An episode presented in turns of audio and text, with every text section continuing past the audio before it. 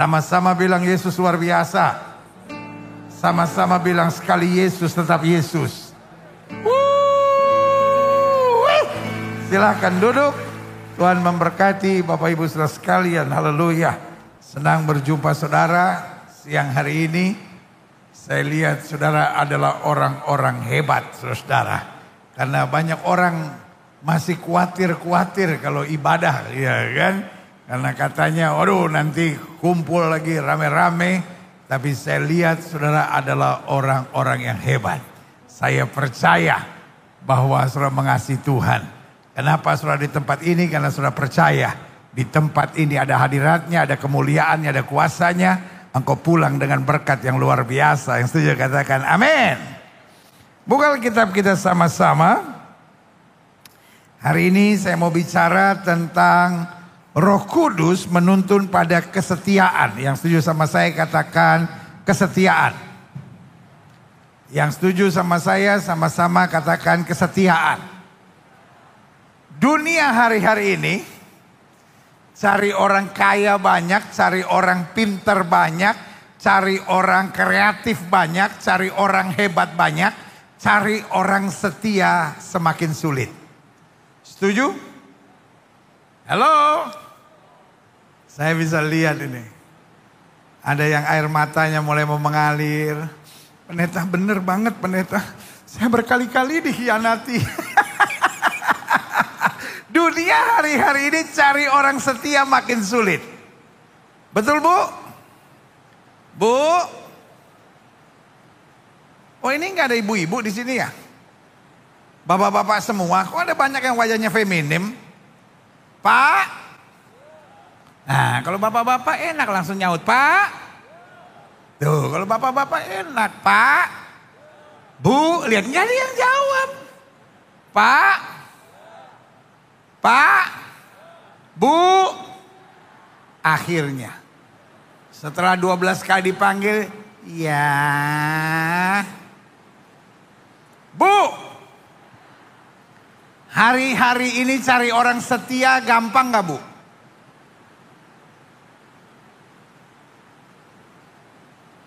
Jangankan cari suami yang setia pendeta, cari pembantu yang setia aja susah. Saudara yang bekerja setuju sama saya cari karyawan lulusan luar negeri masih jauh lebih gampang daripada cari karyawan yang setia. Adik-adik muda, hello. Siapa di sini yang belum menikah? Tolong lambaikan tangannya. Gak usah sok laku lah, gak angkat tangan. Jujur aja. Dari muka lu kelihatan jomblonya itu gitu ya. Jangan coba-coba bohong lu sama pendeta. Seumur hidup lu gak bakal dapat, saya kasih tahu aja. Mau coba silahkan. Ya kan, ulang. Siapa di sini yang belum menikah? Ah ini baru jujur. Saya mau tanya ini sama saudara-saudara yang belum menikah nih. Cari orang yang setia gampang nggak? Yang kelihatannya setia banyak pendeta. Tetapi setelah berjalan beberapa minggu ternyata pendeta saya disakiti.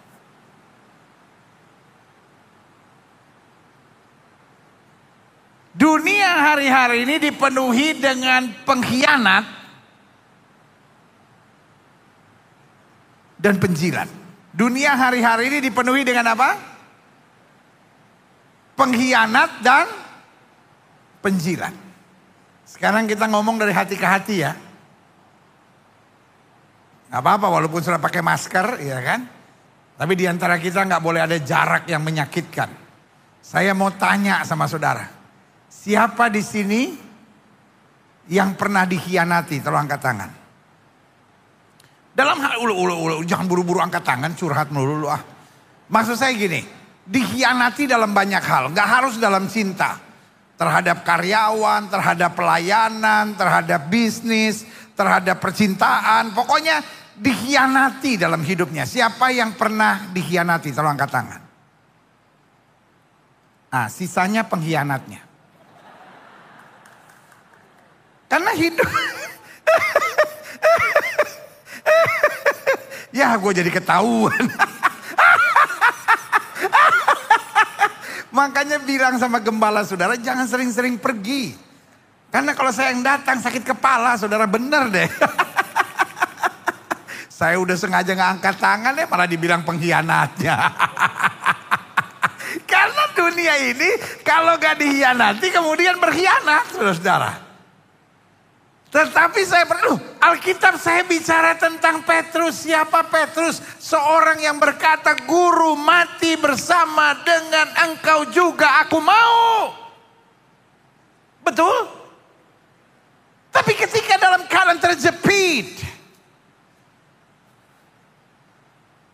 Seorang datang dan berkata, kau pasti muridnya. Alkitab berkata, maka Petrus bersumpah dan mengutuk dan berkata, don't know him. Aku tidak kenal dia. Berarti Petrus berkhianat.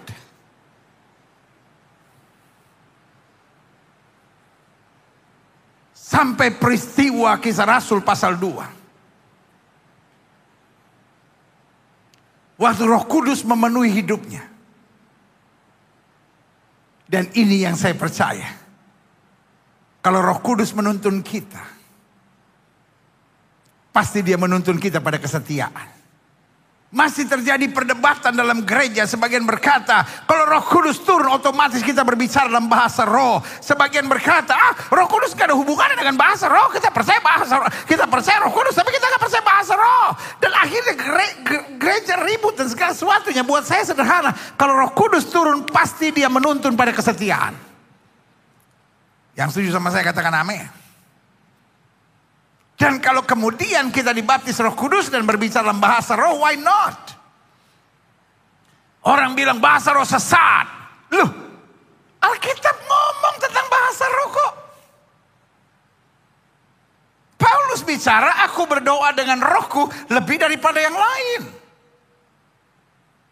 Alkitab berkata, aku suka kalau kau berbicara dalam bahasa roh atau bahasa lidah, saudara-saudara. Ya tapi bahasa roh yang sekarang bahasa lidah bahasa roh yang palsu. Pertanyaannya yang aslinya mana? Orang sekarang tuh seneng aja nyerang sana nyerang sini. Buat saya sering kali hanya karena iri hati. Melihat kegerakan roh kudus yang luar biasa. Dan saya percaya betul Orang-orang yang mengalami kebaikan Tuhan, orang-orang yang mengalami jamahan Roh Kudus, nggak ada waktu untuk menyerang sana, menyerang sini. Yang ada hanya untuk bekerja buat Tuhan, meninggikan Yesus, meluaskan kerajaan Allah, hidup dalam kebenaran. Yang setuju berikan tepuk tangan yang meriah buat Tuhan.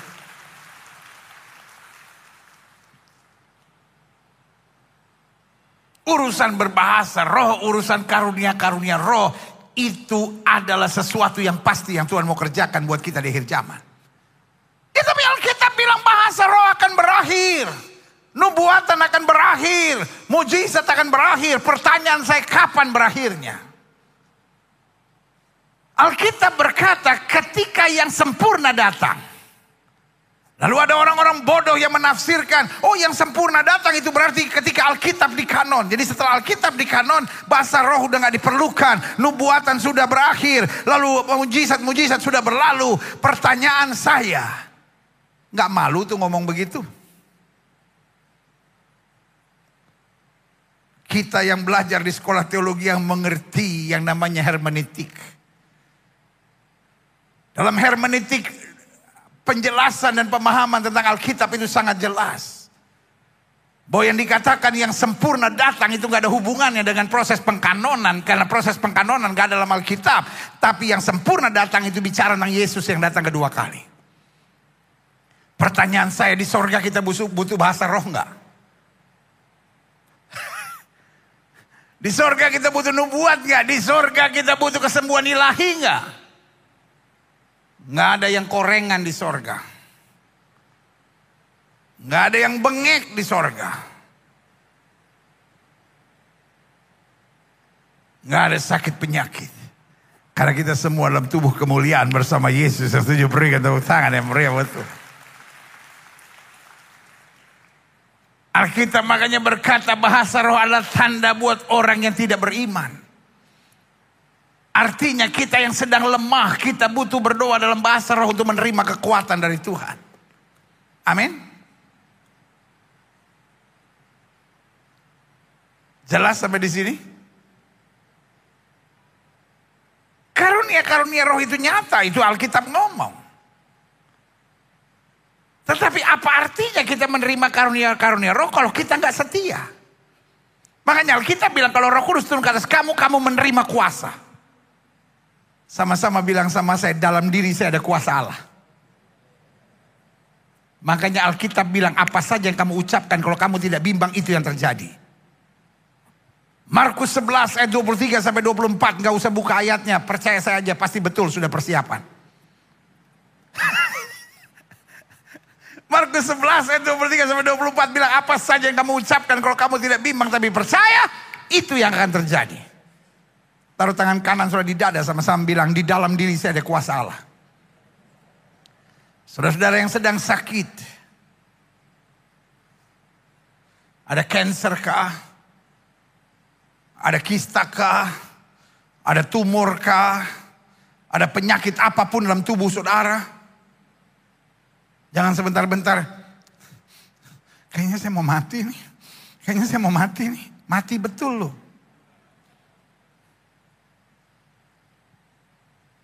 Tapi setiap pagi bangun oleh bilur Yesus saya sudah disembuhkan. Segala penyakit sudah berlalu. Yesus sudah mati sekali salib menanggung dosa isi dunia. Dan oleh bilur-bilurnya saya percaya disembuhkan. Yang setuju berikan tepuk tangan yang meriah buat tuh. Saudara-saudara yang rumah tangganya sedang ada masalah. Jangan sebentar-bentar bilang kayaknya saya gak kuat. Saya kayaknya udah gak sanggup nih. Rumah tangga saya pasti hancur nih. Ya hancur benar. Sama-sama bilang di dalam diri saya ada kuasa Allah. Halo? Belum makan ya? Sama-sama bilang di dalam diri saya ada kuasa Allah. Ah, lebih mantap lagi sama-sama bilang di dalam diri saya ada kuasa Allah. Sama-sama bilang di dalam diri saya ada kuasa Allah. Uh, berikan tepuk tangan yang meriah buat Tuhan. Adik-adik muda jangan bilang, waduh masa depan saya gimana ya, saya semakin gak jelas. Tapi hari ini bilang masa depan saya secerah janji-janji Allah. Amin. Karena kalau roh kudus dicurahkan pada diri kita, kita akan menerima kuasa. Roh kudus turunkan kamu, kamu akan menerima kuasa untuk menjadi apa? Saksiku. Dan itu yang saya percaya. Kita baru bisa menjadi saksi Tuhan kalau kita adalah orang-orang yang setia. Kita gak bisa sekadar jadi saksi Tuhan hanya dengan menjadi orang gereja dan orang Kristen. Tapi waktu kita setia. Karena Alkitab bilang orang yang bertahan sampai kesudahannya. Itu yang akan beroleh selamatnya. Yang setuju berikan tepuk tangan yang meriah buat Tuhan. Ini yang kita mau belajar hari ini. Roh Kudus menuntun pada kesetiaan. Buka Alkitab kita sama-sama. Aha. Mazmur 101 ayat 4 sampai 7. Dikatakan demikian, hati yang bengkok akan menjauh daripadaku. Kejahatan aku tidak mau tahu. Dengan lain kata, dunia di mana kita hidup hari-hari ini banyak orang yang hatinya bengkok. Dan itu yang membuat kita merasa tersakiti, itu yang membuat kita merasa terkhianati. Tapi Alkitab bilang hati yang bengkok akan menjauh daripadaku, kejahatan aku tidak mau tahu. Orang yang sembunyi-sembunyi mengumpat temannya, dia akan kubinasakan orang yang sombong dan tinggi hati aku tidak suka. Jadi ciri-ciri orang di akhir zaman yang pertama hatinya bengkok. Yang kedua, nusuk dari belakang. Saudara pernah ngalamin? Orang di depan saudara baiknya minta ampun. Hei shalom, glory, haleluya. Tapi di belakang saudara, tuh kan tuh orang tuh paling kuat. Lu tau gak, tuh kan bini piaraan. Iya.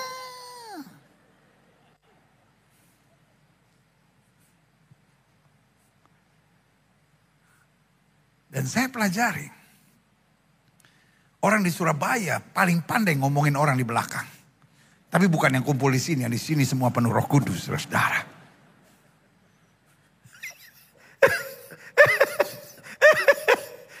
saya udah keliling dari Sabang sampai Merauke. Tapi saya perhatiin orang Surabaya kalau ngomongin orang mantapnya luar biasa, saudara. kamu udah dengar belum? Iya, memang begitu oh, dari dulu. Itu kan teman aku waktu dulu sekolah ini bahasa. Iya. Dan Alkitab sudah ngomong orang yang sembunyi-sembunyi mengumpat temannya. Dia akan kubinasakan orang yang sombong dan tinggi hati. Aku tidak suka. Selanjutnya ayat 6. Wih. Mataku tertuju kepada orang-orang setiawan di negeri. Supaya mereka diam bersama-sama dengan aku. Orang yang hidup dengan tak cara yang tak bersalah akan melayani aku. Tapi orang yang melakukan tipu daya, orang yang munafik, orang yang menjilat, orang yang curang, orang yang tukang cari muka, tidak akan diam dalam rumahku. Orang yang berbicara dusta tidak akan tegak di depan mataku. Berarti Tuhan sedang membangkitkan orang-orang percaya yang hidup dalam kesetiaan. Yang setuju sama saya katakan, saya harus setia. Nah, saya pelajari di mana ada Roh Kudus pasti ada kesetiaan.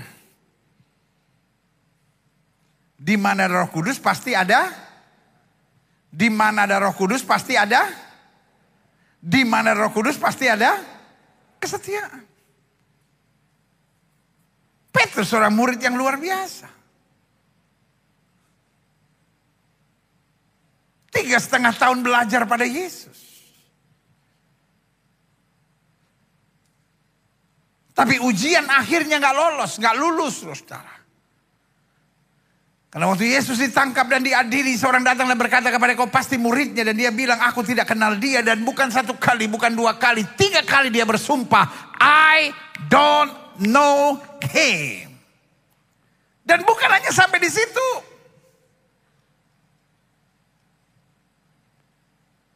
Yohanes pasal 21 bercerita bahwa Petrus kemudian duduk di pantai danau Tiberias.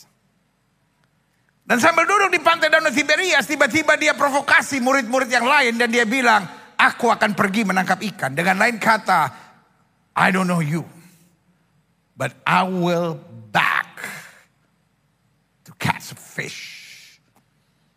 Aku akan kembali menjadi seorang nelayan. Murid-murid yang lain terkejut dan bilang, what? But okay.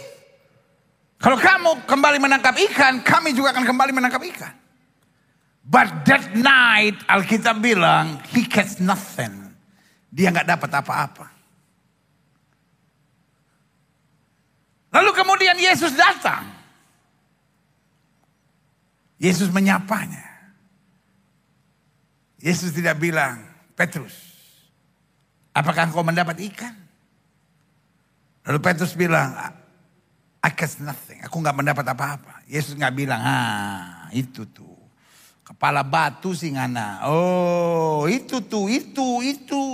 Kue itu kepala batu. Makanya nggak dapat apa-apa.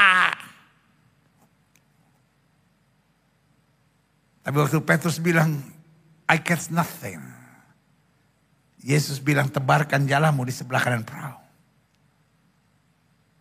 Kemudian dia tangkap 153 ekor sampai perahunya hampir tenggelam. Yesus bertanya, Simon anak Yohanes, adakah engkau mengasihi aku? Dia jawab, benar Tuhan, aku mengasihi engkau. Petrus memang nangis. Tapi cuma sampai di situ. Tapi kisah Rasul pasal 2. Roh Kudus memenuhi hidupnya. Dan kemudian sesuatu yang dahsyat terjadi. Petrus yang tadinya pengecut. Petrus yang tadinya hanya mencari tempat yang aman. Petrus yang tadinya uh, selalu bercoba menghindar konflik-konflik yang berat yang harus dilewati. Dan sekarang menjadi Petrus yang berubah. Dia tampil di antara orang banyak dan dia berkata, kami tidak mabuk oleh anggur manis. Tetapi yang terjadi dalam kehidupan kami adalah penggenapan nubuat kitab Yoel. Lalu dia mulai berkhotbah dan hari itu dia berkhotbah. 3000 orang diselamatkan. Bayangkan. Satu orang pendeta khotbah satu kali tiga ribu orang diselamatkan. Zaman sekarang tiga ribu pendeta khotbah tiga ribu kali satu orang pun gak diselamatkan.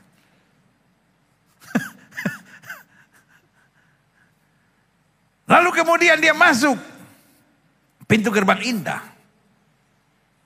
Dia lihat ada orang lumpuh yang sedang meminta sedekah. Lalu Petrus dan Yohanes berkata, Silver and gold have I none. Emas dan perak tidak ada padaku. Tapi apa yang kupunyai kuberikan kepadamu. Bang, bangkit dan berjalanlah. Demi nama Yesus orang Nazaret itu bangkit dan berjalanlah. Dia pegang tangannya, dia bantu dan orang itu berdiri. Karena itu, dia diperhadapkan pada mahkamah. Dan keputusan mahkamah agama ingat, ini bukan lagi orang biasa yang berkata kau pasti muridnya. Tapi ini keputusan mahkamah agama yang berkuasa dan keputusan mahkamah agama berkata, kamu harus berhenti mengajar demi nama itu. Petrus dan Yohanes berdiri. Di depan sidang yang punya kuasa untuk memutuskan. Petrus dan Yohanes berkata, silahkan tuan-tuan putuskan sendiri. Haruskah kami lebih taat kepada manusia daripada kepada Allah? Tiba-tiba dengan suara yang berani, Petrus berkata, kami tidak akan berhenti mengajar demi nama itu. Sebab di bawah kolong langit ini tidak ada nama lain yang olehnya manusia selamat kecuali dalam nama Yesus. Berikan tepuk tangan yang meriah buat Tuhan. Petrus yang pengecut. Petrus yang tidak setia. Karena roh kudus mengurapinya. Dia menjadi orang yang setia.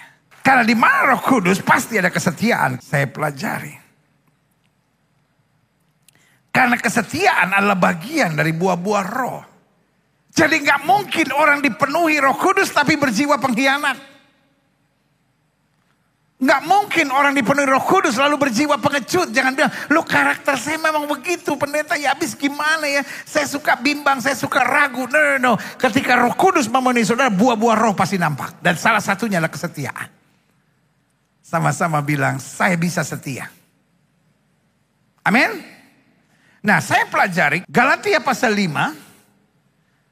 Ayat 22 sampai 23. Bilang begini. Tetapi buah roh ialah kasih, sukacita, damai sejahtera, kesabaran, kemurahan, kebaikan dan apa? Kesetiaan. Lihat ya, buah roh ialah kasih, sukacita, damai sejahtera apa? Kesabaran, kemurahan, kebaikan dan apa? Kesetiaan. Kelemah lembutan, penguasaan diri. Perhatikan baik, tidak ada hukum yang menentang hal-hal itu. Ada banyak orang yang suka bilang begini, ya tapi kita setia-setia kalau diinjak-injak orang gimana dong pendeta? Kita setia-setia kalau dipermainkan orang bagaimana dong? Saudaraku, orang setia bisa diinjak orang, bisa dipermainkan orang. Tapi orang setia tetap akan naik dan melihat berkat Tuhan dicurahkan dalam hidupnya. Setuju katakan amin.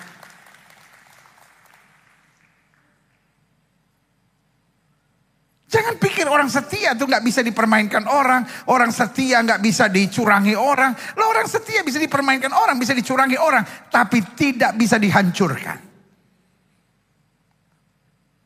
Untuk sementara bisa dicurangi orang, untuk sementara bisa difitnah orang, untuk sementara bisa dijahatin orang. Tapi orang setia akan diselamatkan Tuhan dengan cara Tuhan yang ajaib dan luar biasa. Amin. Kita lihat selanjutnya. Ada hal-hal penting yang saya mau share tentang kesetiaan. Yang pertama, setia berhubungan dengan iman seseorang. Setia bukan tekad. Maksud saya setia bukan hanya tekad. Gak bisa kita bilang, oh saya mau bertekad itu jadi setia. Loh, itu pun yang dialami oleh Petrus.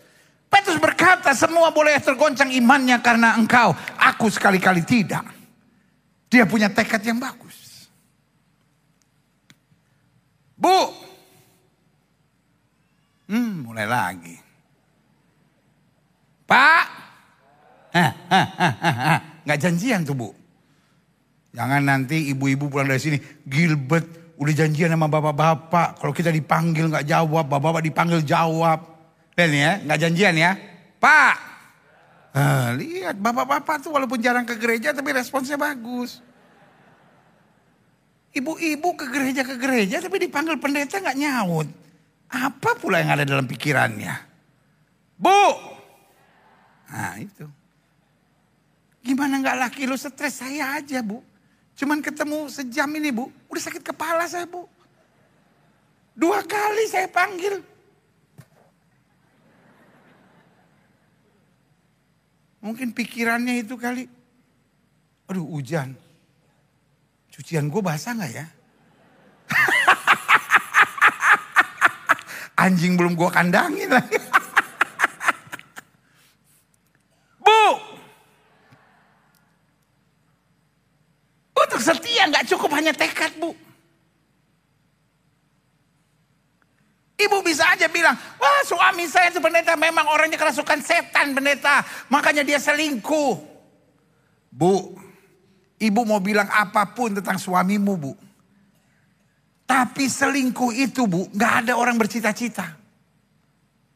Pak kenapa bapak selingkuh? Ya ampun pendeta dari kecil memang cita-cita saya begitu.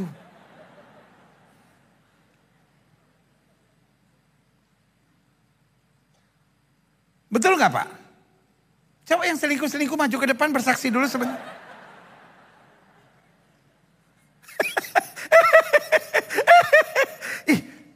Gemala ini suka bikin malu orang ya.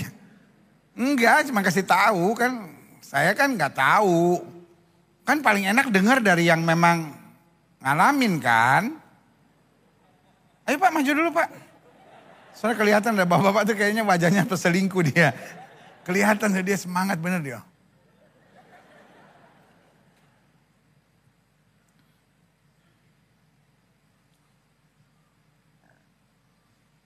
Ibu-ibu udah mulai emosi. Ya, mentang-mentang pendetanya laki, bela sesama laki-laki. Bukan bela, Bu. Orang selingkuh itu nggak ada niat, Bu.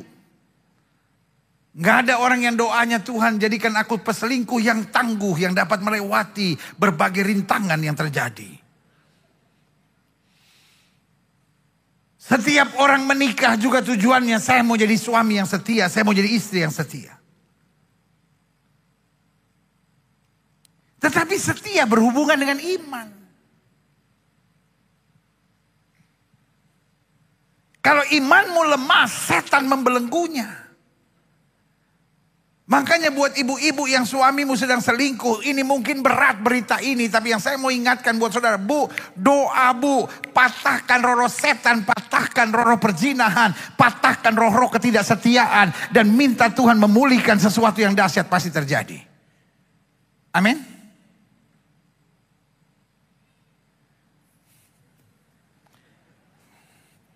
Aduh, tolong panitia ada siapin panadol nggak? Sakit kepala saya nih sama ibu-ibu di sini nih. Orang ngajarin ibu-ibu, amin ke apa ke?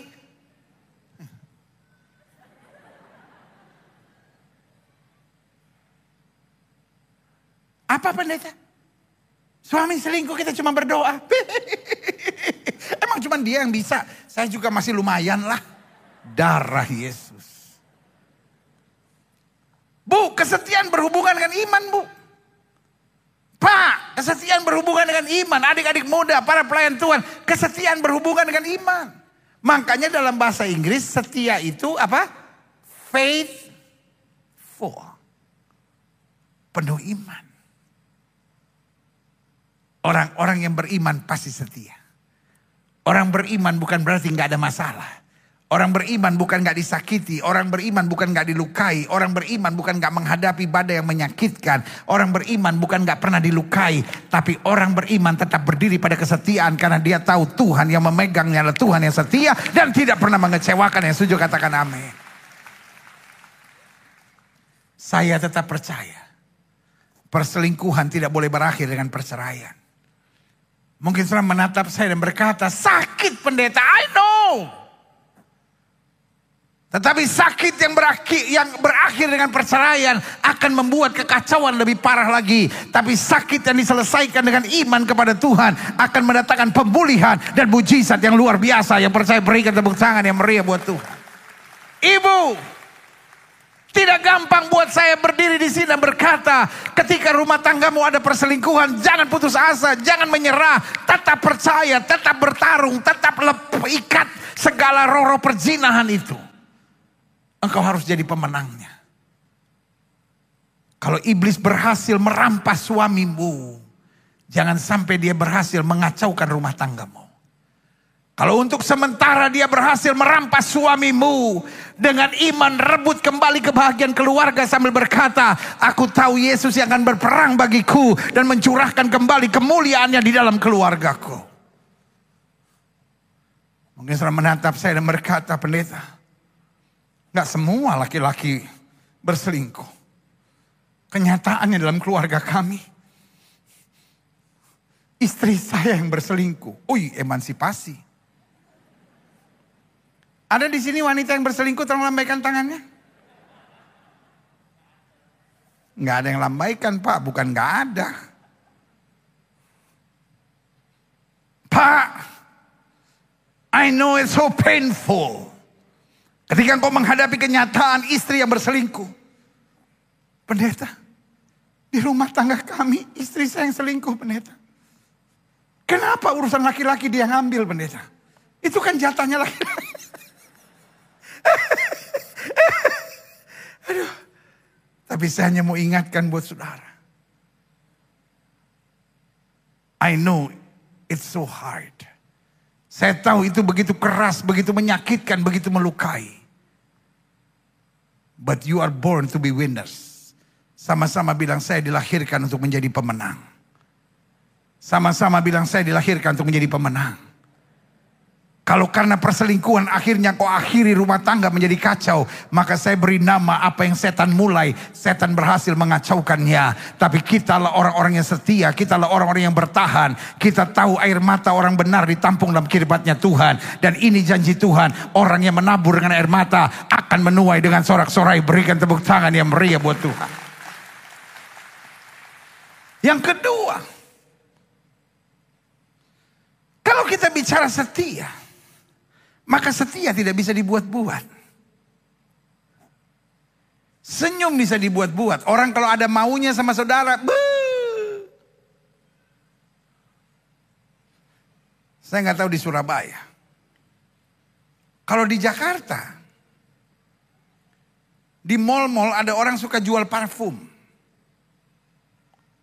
Waduh, marketing-marketing parfum itu semangatnya luar biasa, saudara. Sama seperti orang jual asuransi. Saudara ke mana pun dikejar. Ah, bu ini parfumnya bagus bu, parfumnya bagus. Pak ini parfum baru pak, ini murah pak, ini uh, bayar dua dapat tiga pak, begini segala macam saudara. Sampai kita risih. Jalan satu-satunya untuk menyelamatkan diri dari situ adalah Tinggal bilang, aduh maaf ya mbak, saya lagi nggak bisa nyium, kabur langsung. Pakai batuk sedikit, nggak tahu kenapa nih penciuman saya. Oh iya, iya. Oke, oke, oke. Dia pikir gila. Ntar gue jual parfumnya cuma dua. Coronanya dua minggu gila. Senyum bisa dibuat-buat. Baik bisa dibuat-buat. Setuju nggak? Siapa di sini yang pernah ditipu? Dalam keuangan, dalam apa? Ada nggak penipu yang datang ke saudara dan bilang, heh, gue mau nipu nih. Iya kan? Adik-adik muda yang cewek-cewek ini. Pernah nggak ditipu sama cowok gitu? Kayaknya baik-baik. Gak taunya pendeta. Ntar dia minjem cincin saya, ntar dia minjem anting saya. Makanya lu jangan goblok. Jangan cewek-cewek kebucinan. Tahu bucin. Waduh. Aku mau tidur, ingat kamu. Aku mau makan, Ingat kamu. Jangan-jangan lagi di gereja, lu lihat pendeta, lihat mukanya dia. Dosa lu. Ada orang yang jatuh cinta kebucinan kayak, aduh ilah mas Allah. Udah kayak apa begitu. Tapi ini yang saya mau bilang. Baik itu bisa dibuat-buat saudara-saudara. Makanya Alkitab bilang ujilah segala roh pegang yang baik. Anak-anak Tuhan nih hidup dengan iman saudara. Anak-anak Tuhan berjalan dengan hikmat. Anak-anak Tuhan harusnya nggak gampang ditipu, saudara. Karena iblis pun menyamar sebagai apa? Malaikat terang. Baik bisa dibuat-buat. Senyum bisa dibuat-buat. Tapi setia nggak bisa dibuat-buat. Karena orang yang setia itu yang akan melihat kuasa dan kemuliaan Tuhan yang sejuk berikan tepuk tangan. Yang ketiga, apa yang penting tentang kesetiaan? Setia harus disertai dengan kesiapan membayar harga. Jangan bilang sama saya, saya sebetulnya mau setia pendeta. Tetapi jalannya keras pendeta. Saya mau setia tapi badainya berat. Kalau sudah setia karena keadaan menyenangkan. Itu namanya bukan setia bos. Itu namanya hobi. Daud bilang apa? Melewati lembah kekelaman aku tidak takut bahaya. Gadamu dan tongkatmu menjadi penghiburan bagi aku. Itulah kesetiaan. Alkitab bilang orang yang menabur dengan air mata. Berjalan maju sambil menangis. Pasti akan pulang dengan sorak-sorai. Itu yang saya beri nama. Setia. Mungkin hari-hari ini kau berkata. Saya sedang menghadapi situasi yang berat. Ini yang saya mau bilang sama saudara. Orang hebat bisa gagal. Orang berpengalaman bisa kecewa. Tapi orang setia selalu akan melihat pembelaan Tuhan yang luar biasa. Kalaupun kita dihianati, kalaupun kita disakiti, kalaupun kita dilukai. Kita tetap bisa bersyukur. Mungkin setelah menatap saya dan berkata, bagaimana bisa pendeta saya dikhianati, saya disakiti, saya dilukai. Lalu saya bersyukur, minimal kita bersyukur. Tuhan terima kasih. Aku yang disakiti bukan aku yang menyakiti. Aku bersyukur aku dikhianati dan bukan aku yang mengkhianati. Karena kalau kita yang dikhianati, maka yang bela kita adalah Tuhan. Amin. Tapi kalau kita berkhianat yang lawan kita adalah Tuhan. Saya mau ngomong secara khusus buat adik-adikku, adik-adik muda yang ada di sini. Kalau kau menatap saya dan berkata pendeta. Kan gini pendeta, saya sayang sama seseorang, cinta saya tulus sama dia. Tapi saya dikhianati pendeta, saya ditinggalkan pendeta. Udah dua tahun saya nggak bisa jatuh cinta lagi. Karena betul-betul hati saya sangat luka. Saya mau bilang sama adik-adik muda yang hatimu sedang luka. Kalau cintamu ditolak, cintamu dikhianati. Jangan nangis. Namanya bodoh.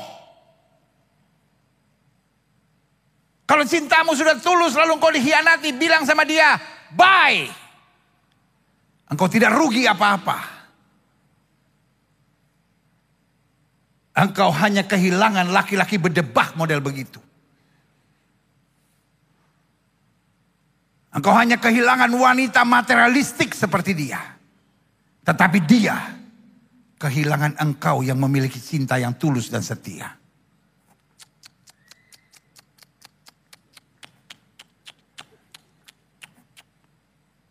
Jangan menangis, air matamu terlalu mahal.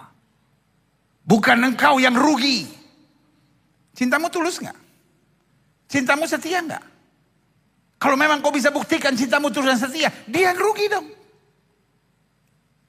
Engkau hanya kehilangan barang roksokan seperti itu.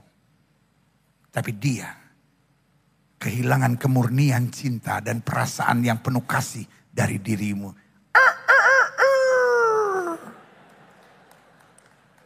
Waduh, yang tepuk-tepuk tangan nih, yang kepahitan patah hati nih kelihatan nih. Saya bisa lihat air matanya mulai mengalir.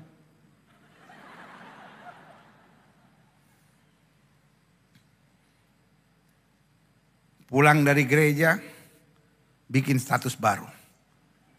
Untuk kamu, bye. Saya tidak kehilangan apa-apa karena hanya saya kehilangan barang roksokan. Tetapi kamu kehilangan sesuatu yang berharga.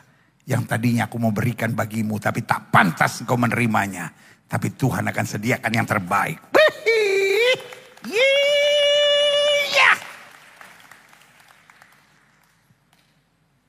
Karyawan-karyawan kau harus setia. Ibu-ibu rumah tangga kau harus setia. Adik-adik muda kau harus setia.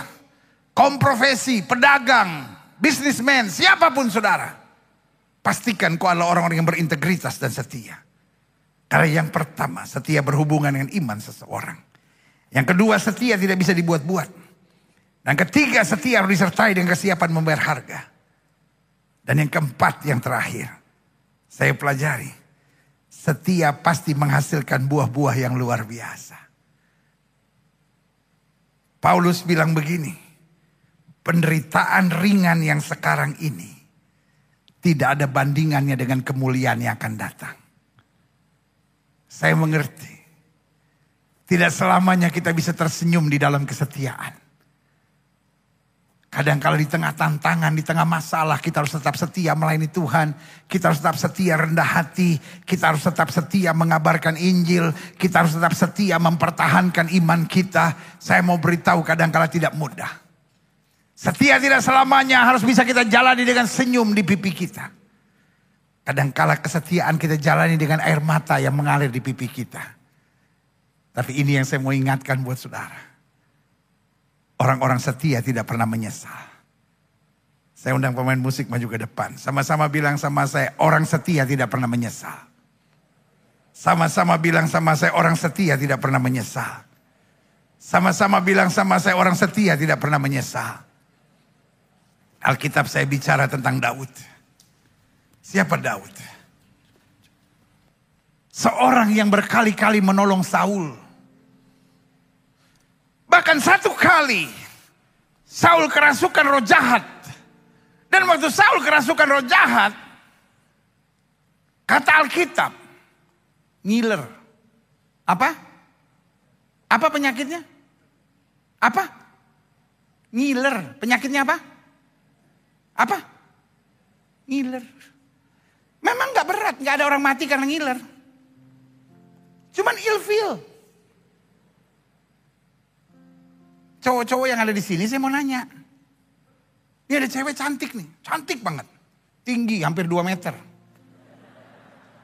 Tapi cantik, tinggi hampir 2 meter. Cuma ngiler. Mau lu jalan sama yang kayak gitu? Ke mana-mana bawa satu box tisu.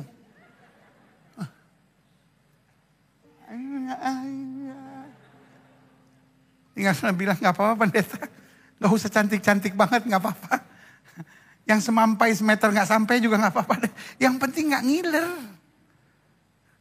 Mama gue nanyain. Kenapa tempat duduk di rumah tuh basah terus?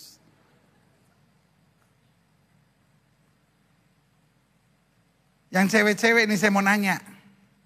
Ada cowok ganteng. Naik Porsche. Tapi ngiler. Lulusan Amerika cuma ngiler. Iya kelemahan sih nggak banyak, cuma ngiler aja. Cuman kan ribet. Setiap kumpul sama teman-teman, airnya turun tidak terkira. Pakai dasi tapi basah. dasi nih, dasi. Ilfil tuh. Ada ibu-ibu yang lain saya gini. dia berasa dia ngiler.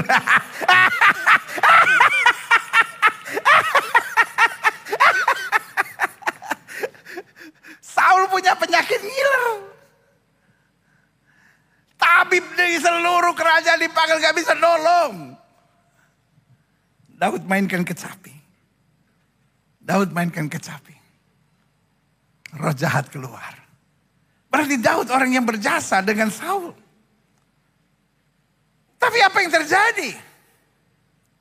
Daud juga yang menyelamatkan muka Saul ketika harus berhadapan dengan Goliat, semua ketakutan dan on behalf of the kingdom. Jadi Daud waktu maju menghadapi Goliat tidak membawa namanya, dia membawa the kingdom of Israel, kerajaan Israel. Jadi dia menyelamatkan muka raja. Tapi waktu dia pulang, wanita-wanita Yerusalem berteriak dan menari memuji Tuhan sambil berkata, Saul memang mengalahkan beribu-ribu, tapi Daud mengalahkan berlaksa-laksa, which is normal. Itu tidak menghina. Tetapi karena hati sudah dikuasai iri, dengki, kebencian. Saul gak ngerti lagi nilai yang bernama kesetiaan. Orang yang menolong dia, orang yang menyelamatkan dia, mau coba dibunuh oleh dia. Tapi Daud belajar untuk mempertahankan harga yang bernama kesetiaan. Daud harus sembunyi dari gua yang satu ke gua yang lain. Tetapi ini yang saya mau bilang. Setia nggak pernah bohong. Orang setia bisa saja melewati badai. Tapi orang setia satu saat akan ada di puncak bukit kemenangan. Dan melihat bahwa kesetiaan Tuhan sungguh sangat luar biasa. Sama-sama bilang saya harus setia.